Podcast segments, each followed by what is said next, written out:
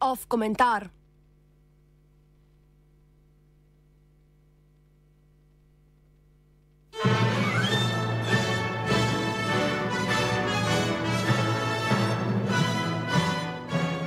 Urška Klakočar Zupančič, slovenska Marjana.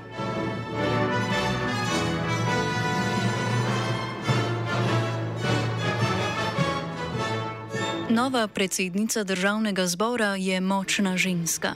Je avtonomna in neodvisna. Drzne si. Je najboljša vzornica vseh žensk, ki v Sloveniji skušajo javno delovati. Obenem je tudi dobra mati, kar pa je ne omejuje pri tem, da živi svobodno.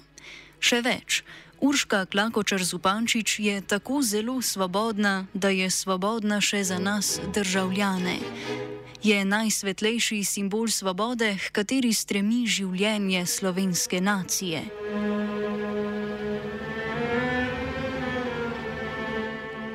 Predsednica državnega zbora je obdana z auro svobode. Z auro, ki je za nekatere nezaslišana in nedopustna, za druge sijajna in blagodejna.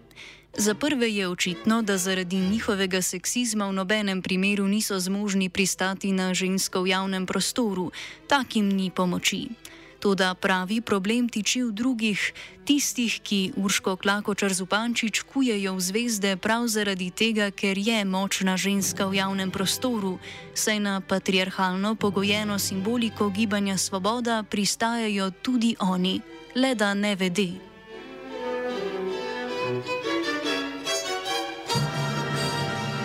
V javni podobi, ki jo gradi predsednica državnega zbora, ni na ključi. Drznemo si trditi, da so jo v stranki skrbno načrtovali. Dokaz za to je že kopica očitno zrežiranih intervjujev, ki jih je opravila, v katerih je napifljano odgovarjala na vnaprej dogovorjena vprašanja. Niti šov na rdeči preprogi ni nekaj, kar bi si lahko podpredsednica vladajoče stranke privoščila brez dovoljenja v stranki. Naloga Urške Klakočar Zupančič je utelešati svobodo. Njena naloga je predstavljati drugo plat predsednika vlade Roberta Goluba. Če je on po izvolitvi postal umirjen, razumen in tih upravljavec, ki najprej dela, šele potem govori, je ona postala vse to, kar je bil Golub pred volitvami. In še več. Kot ženska namreč že na ravni strukture političnega prostora, ki je bil in je še vedno moško dominiran, predstavlja presežek svobode.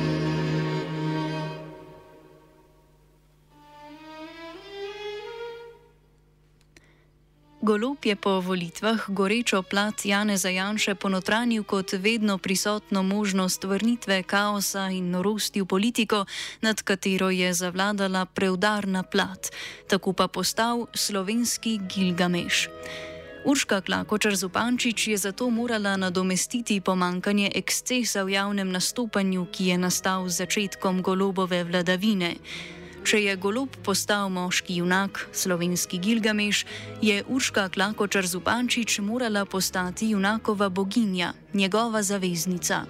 Njena aura svobode sije tako svetlo, da se lahko v njenem zavetju zablešči tudi vitezova srebrna čelada. Postala je slovenska Marjan, narodova boginja svobode.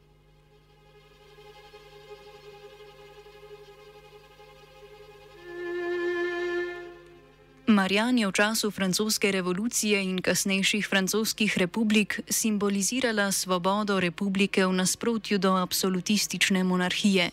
Slovenska Marjan uteleša svobodo, svobode naroda v nasprotju do princa Teme, ki da ga je želel prisilno vzpostaviti drugo republiko.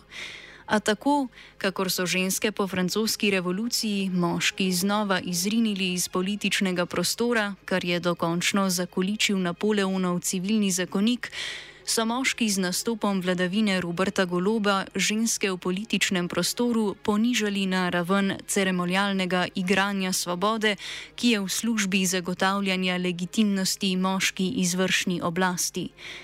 Kakor je moška oblast v Franciji Marjan prikovala na vladni grb in kovance, je moška oblast v Sloveniji ženske uklesala v nebesni svod simboliziranja svobode nove oblasti.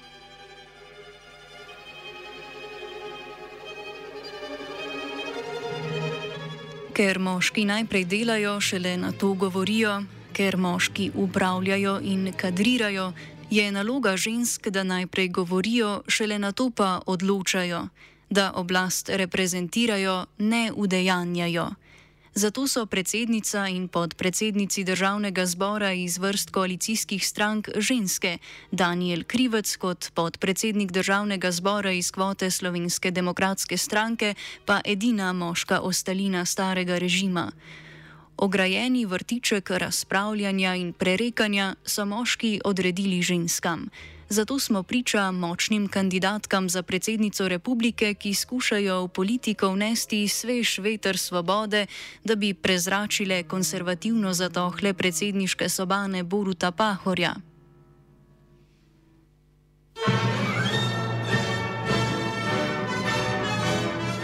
Slavljenje podobe slovenske Marjan kot znanilke novih časov slovenske politike je le hrbtna stran njenega zaničevanja in klicanja po vrnitvi starih časov, ko so lahko javno delovali le moški. Tako slavljenje, tako slavljenje kot zaničevanje se ženskam v politiki še zmeraj čudita, s tem pa pristajata na dejstvo, da ženskam vloge še vedno odrejajo moški, one pa se morajo razkošno kititi z ubogimi tunikami, ki so jim jih namenili tisti z vladarskimi insignacijami. Komentiral je Martin.